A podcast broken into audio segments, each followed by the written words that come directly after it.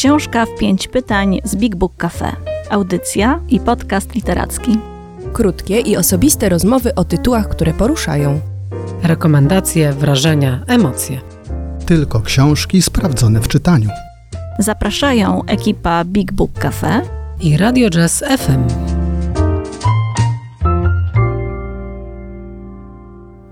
Dzień dobry. Najbliższe 30 minut, czyli ten czas, który pozostał nam do południa, spędzamy czytając. Koniec lata, koniec laby, bierzemy się za porządną literaturę i postaramy się Wam w tym pomóc. To my, Paulina Wilk i Anna Król z Fundacji Kultura Nieboli z Big Book Cafe. E, co tydzień rozmawiamy o książce, która zrobiła na nas wrażenie. E, pewnie macie za sobą jakieś e, dobre wakacyjne czytanie. My mamy za sobą lekturę ważnej książki, której impact chyba nas trochę y, zaskoczył, mm, bo jest to książka, która budzi duże emocje, trochę kontrowersji, ale też y, roztacza takie długofalowe skutki po lekturze. A mowa o książce Tu byli, tak stali Gabriela Krause, autora polskiego pochodzenia, mieszkającego w Wielkiej Brytanii, w przekładzie brawurowym, trzeba to powiedzieć, e, Tomasza Gałązki. Książka Hmm. Książka, która y, myślę Nie mów, że odebrało ci mowę. Nie. myślę o tym, że jest to taka książka trochę takie tour de force. Myślę o tym, jak dużo, um, dużo ona budzi emocji.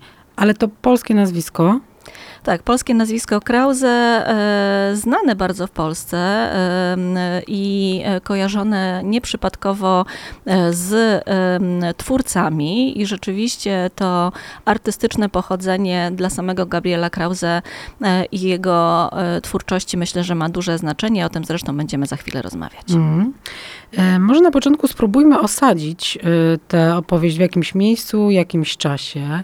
Mm, powiedz Maniu, do jakiej dzielnicy, do jakiego miejsca w czasie i rzeczywistości Gabriel Krause jako narrator i główny bohater tej opowieści, bo jest to powieść autobiograficzna młodego mężczyzny, nas zabiera? Może za, zanim do dzielnicy, to powiedzmy, że zabiera nas do e, Wielkiej Brytanii, a konkretnie do Londynu, no i wreszcie do e, miejsca, w którym jego bohater jego bohaterowie mieszkają, czyli e, dzielnicy osiedlowej South Kilburn. To ma duże znaczenie i fajnie, że zaczynamy od tego, że pytasz o miejsce, w którym akcja tej powieści jest osadzona, dlatego że sam Gabriel Krause e, wielokrotnie, właściwie niemalże we wszystkich wywiadach e, podczas spotkania, które miało miejsce e, na naszym festiwalu Big Book, podkreśla, że on w zasadzie trudno mu powiedzieć, że czuje się Europejczykiem albo Brytyjczykiem, on czuje się Londyńczykiem. No ale ale Londyn to jest takie miasto bardzo wielokulturowe, wielowarstwowe e, i e, wielowarstwowe także ze względu na ogromne podziały społeczne.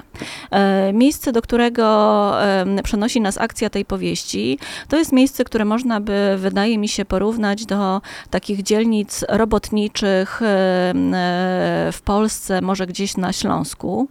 Albo blokowisk. Albo blokowisk. Albo blokowisk, natomiast rzeczywiście te blokowiska może one nawet też przypominają trochę e, bloki, które znamy z polskich e, e, miast. Te blokowiska są dość specyficzne także w swoim wyglądzie, dość ponure. To jest takie brutalistyczne, brutalistyczna architektura z końca lat 60., początku lat 70., ale jest też coś zabawnego w tym, jak autor zaczyna nam opowiadać o tym miejscu, dlatego że w pewnym sensie sam jest zaskoczony w jakimś momencie tym, że poszczególne e, bloki, e, jakieś takie grupy tych bloków e, mają bardzo literackie nazwy. W związku z tym on kiedyś wędrując przez to osiedle nagle zdaje sobie sprawę, że porusza się pomiędzy Bronte House, Dickens House czy Blake Court. No, co jest pewnym paradoksem, dlatego że znajdujemy się w miejscu, które jednak jest naznaczone biedą, jest naznaczone chuligaństwem, e, takim miejscem, w którym e, przestępczość jest bardzo rozwinięta. E, dotyczy przede wszystkim chyba młodych ludzi, ale pewnie nie tylko. Miejscu, do którego niekoniecznie ma ochotę zapuszczać się w ogóle policja. I miejscu, które żyje na jakichś takich własnych zasadach, według własnego scenariusza i własnego kodeksu wartości. No a jednocześnie ktoś być może zrobił trochę żart i dowcip tym mieszkańcom i właśnie wprowadził jakoś te, ten literacki e, jakiś taki wątek do nazewnictwa. Ciekawe jest to y, z jednej strony, że Krause jako narrator tej opowieści wydaje się osamotniony w tej obserwacji. To znaczy te literackie wątki, pewien Mhm. koncept, pewnie założenie architektów albo urbanistów tej części Mhm. Londynu było e, pełne jakichś społecznych ideałów i e, nie jest to jedna, bo raczej jedna z wielu historii o tym, jak pewne wyobrażone, zaplanowane dzielnice Mhm. zmieniają się w koszmar, bo tak naprawdę ta e, architektura staje się państwem w państwie, labiryntem e, przejść, które są pilnowane przez rozmaite grupy i gangi. Tam każdy ganeczek, każda klatka schodowa, do każda. Mm, Mhm. Każda winna do kogoś należy. Gabriel opisuje bardzo takie na, pełne napięcia momenty, jak na przykład na klatce schodowej musi minąć dealerów kraku albo Mhm.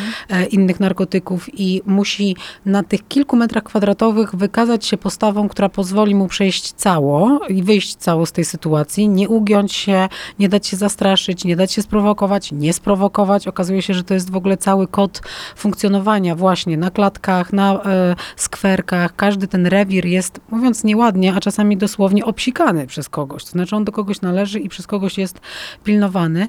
I e, e, ciekawe z jednej strony, że oni żyją w takim, takiej klątwie, jakby ktoś zaplanował e, jakiś wzniosły los dla tej dzielnicy, a, ona, a ona jest, no co tu mówić, e, dość ponura i naprawdę dotknięta przez duże problemy e, społeczne, bo wszystko, co Gabriel opisuje z tego kawałka swojej biografii, m, e, jest jednak e, bardzo trudne. No i wydaje się on jakimś takim trochę bardziej świadomym, trochę bardziej wrażliwym obserwatorem tej rzeczywistości. To jest tak, rzeczywiście ciekawe, bo e, wiesz, ale to jest w pewnym sensie literackie, a nawet filmowe może.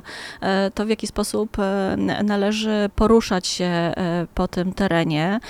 Trochę jak e, pionki w jakiejś grze, czy postaci w jakiejś grze komputerowej. Są miejsca, w których należy zawsze biec, są miejsca, w których e, trzeba upewnić się, że ma się nóż w kieszeni. Są miejsca, w których lepiej być e, niewidzialnym, niewidocznym dla tych, których się mija, czy których się tam spotyka. I jest faktycznie chyba bardzo istotne dla mm, jakby w ogóle rozumienia tej książki, ale też dla naszej dalszej rozmowy, to, że on jako w zasadzie jedyny spośród em, osób, które się w tej powieści pojawiają, on jako narrator i on jako bohater, mają świadomość tego, w jakim świecie się znajduje, dlatego że no, on ma możliwości, żeby to zrozumieć. Gabriel Krause e, już e, wtedy i jego bohater już wtedy jest także studentem anglistyki, Literatury tak, angielskiej. literatury Mhm. angielskiej. W związku z tym no, te wątki literackie są dla niego bardzo czytelne po prostu. On jest rzeczywiście taką osobą pochodzącą z dwóch światów, ale zanim o, o samym Gabrielu więcej powiemy, to chciałam wrócić do czegoś, co dotknęłaś, to znaczy do pewnego kodu wartości, który tam obowiązuje. Bo to, co Gabriel Krause nam opisuje w tej y, biografii, w tym kawałku świata, to jest nie tylko miejsce, które ma pewne swoje reguły, ale to jest opowieść o przemocy. W ogromnej y, mierze jest to opowieść o tym, jak przemoc reguluje relacje społeczne w tym kawałku świata. I jak ona wypełnia życie specyficznego miejskiego e, gatunku istnienia, jakim jest młody mężczyzna. E, Jak, jak ty widzisz w ogóle rolę e, przemocy w tej opowieści, w tym świecie, z którego on no, jakoś się wydobył poprzez literaturę? No to jest ciekawe zagadnienie. Ja myślę, że z jednej strony to jest faktycznie opowieść o przemocy, ale dla mnie to też jest opowieść o tożsamości, o poszukiwaniu e, siebie samego, o poszukiwaniu jakichś wzorców dla siebie e, i o tym też, jak przemoc tę tożsamość pozwala budować. E, Krause, tak jak powiedziałyśmy, ma możliwość mm, poszukiwania pewnych kontekstów czy skojarzeń ze światem kultury, ze światem literatury. W związku związku z tym on e, opowiadając też e, e, o tym kawałku swojego życia, często odwołuje się do jakichś takich prawzorów z, takich kanonicznych dzieł literatury, jak nie wiem, Otello czy Iliada, w których wojna i walka są istotnymi, właściwie najistotniejszymi, budującymi tożsamość wydarzeniami w życiu. I on też tak rozumie trochę funkcjonowanie siebie w tym świecie i roz, e, funkcjonowanie swoich e, kolegów, e, przyjaciół. Ziomów. Oni wychodzą, ziomków, oni wychodzą na ulicę po to, żeby walczyć, po to, żeby walczyć ze światem, ale po to, żeby też walczyć o siebie. Bardzo istotne jest nie tylko to, że oni tam są, ale jacy są, jak się zachowują i jak wyglądają. Dość duża część tej książki to jest odwołanie do wyglądu, do tego, co ich buduje. To, czy ma się e, łańcuch, czy ma się kastet, czy ma się e, e, odpowiednie buty. Te buty muszą być konkretnej marki, czy ma się konkretną kurtkę. A jak się ma dużo pieniędzy, to inwestuje się w nakładki na zęby wysadzane diamentami, co zresztą Gabriel zrobił i takie zęby piękne, Tak, i taki, lśniące i taki posiada. mostek rzeczywiście em, posiada. E, więc e, ta opowieść to jest e, opowieść o tym, jak e, e, ci ziomkowie codziennie podejmują e, ryzyko poszukiwania jakiejś adrenaliny, ale też poszukiwania, nie wiem, sensu własnego istnienia właśnie w tej, e, w uprawianiu tej przemocy. Ja się zgadzam i uważam, że to jest bardzo ciekawe, jak on e, znajduje odniesienia, rozmaite konteksty kulturowe, bo my tu mamy do czynienia z gangsterem, który jednocześnie jest literatem, e, oczytanym, który, którego wiedza i samoświadomość rosną razem z tą opowieścią i jego edukacją. Dorzuciłabym tylko jeden taki element, bardzo ważny oczywiście i to, to nie jest unikalne dla South Kilburn, ale y, unikalne mm, chyba dla, dla mm, tego rodzaju społeczności jest y, y, etos związany z honorem. Y, on to Tak. bardzo często Mhm. powtarza, również opowiadając o tej książce, że y, y, trzeba było pokazać siłę, trzeba było zawsze jakoś emanować swoim potencjałem i w jakimś sensie zdominować y, swojego potencjalnego przeciwnika, a nawet potencjalnego partnera, po to, żeby uzyskać szacunek i właściwie móc w takiej rzeczywistości przetrwać. Kontynuujemy rozmowę o Gabrielu Krause, chłopaku, który ma polskie korzenie. No i jak on się tam znalazł w tym piekiełku w South Kilburn? E, Gabriel Krause urodził się już e, w Wielkiej Brytanii, w Londynie, natomiast jego rodzice, e, jego rodzina i rodzice pochodzą z, od nas, z Polski. Jego ojciec, Andrzej Krause, jest rysownikiem. Podpowiedziałaś mi, bo ja o tym nie wiedziałam, i- że mhm.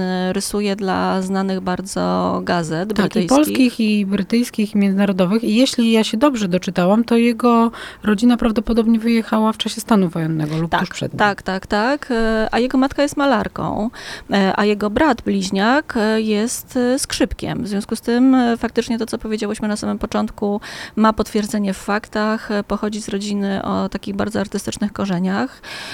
Często Gabriel Krause i tak było w Polsce, ale nie tylko, jak się okazuje, bo też niektóre wywiady z zagranicy tego wątku dotyczą. Jest pytany o swojego wujka, Antoniego Krause, e, który e, w Polsce no, w zasadzie stał się takim filmowcem skompromitowanym ze względu na reżyserię filmu pod tytułem Smoleńsk. Natomiast e, sam Gabriel bardzo go broni w tych wywiadach. Oczywiście z jednej strony mruga okiem, śmieje się, mówi, że no jak może go nie bronić, skoro jest jego wujkiem, ale z drugiej strony faktycznie też zwraca uwagę na e, inne zupełnie wcześniejsze jego dzieła filmowe, które no, kompletnie z tym, em, z tą tematyką em, polityczną e, i polskim piekiełkiem e, niewiele mają wspólnego. E, No więc to jest Gabriel Krause. No on, on lądu, oni lądują w latach 80. y, w Londynie. Londynie. E, Mamy do czynienia z nieuprzywilejowaną finansowo rodziną, to sobie powiedzmy. Ojciec pracuje e, od rana do nocy i Gabriel z dosyć dużą czułością pisze o nim jako ciągle pracującym przy szklance z wodą gazowaną ojcu, który o poranku czy po, po nocach rysuje rysunki, żeby ich utrzymać. Mama jest malarką i y, jest taki trochę miłosno-nienawistny stosunek Gabriela do mamy, która czuje się nim rozczarowana, zainwestowała swoje emocje w danego skrzypka właśnie i jakoś w niego wierzy, a, a Gabriel trochę gra taką rolę czarnej owcy w rodzinie, takiego luzera, przegrańca, który y, trochę pali za dużo trawy, trochę za bardzo rozrabia z chłopakami i jak czytamy tę opowieść, to to Gabriel, wydaje mi się, tutaj m, prowadzi taką ciekawą wiwisekcję y, zaliczania kolejnych kręgów y, Zła. piek, tak, zła i, i piekła, bo on przechodzi w kolejne stopnie agresji, przemocy, podejmuje się coraz On bardziej mówi o tym o brawurowych kolej, jako kolejnych stopniach wtajemniczenia. no tak. Y, em, albo, albo innymi słowami, których tutaj nie możemy cytować, bo to jest jednak książka napisana w dużej mierze slangiem, no jest w niej cała masa trudnych i twardych określeń.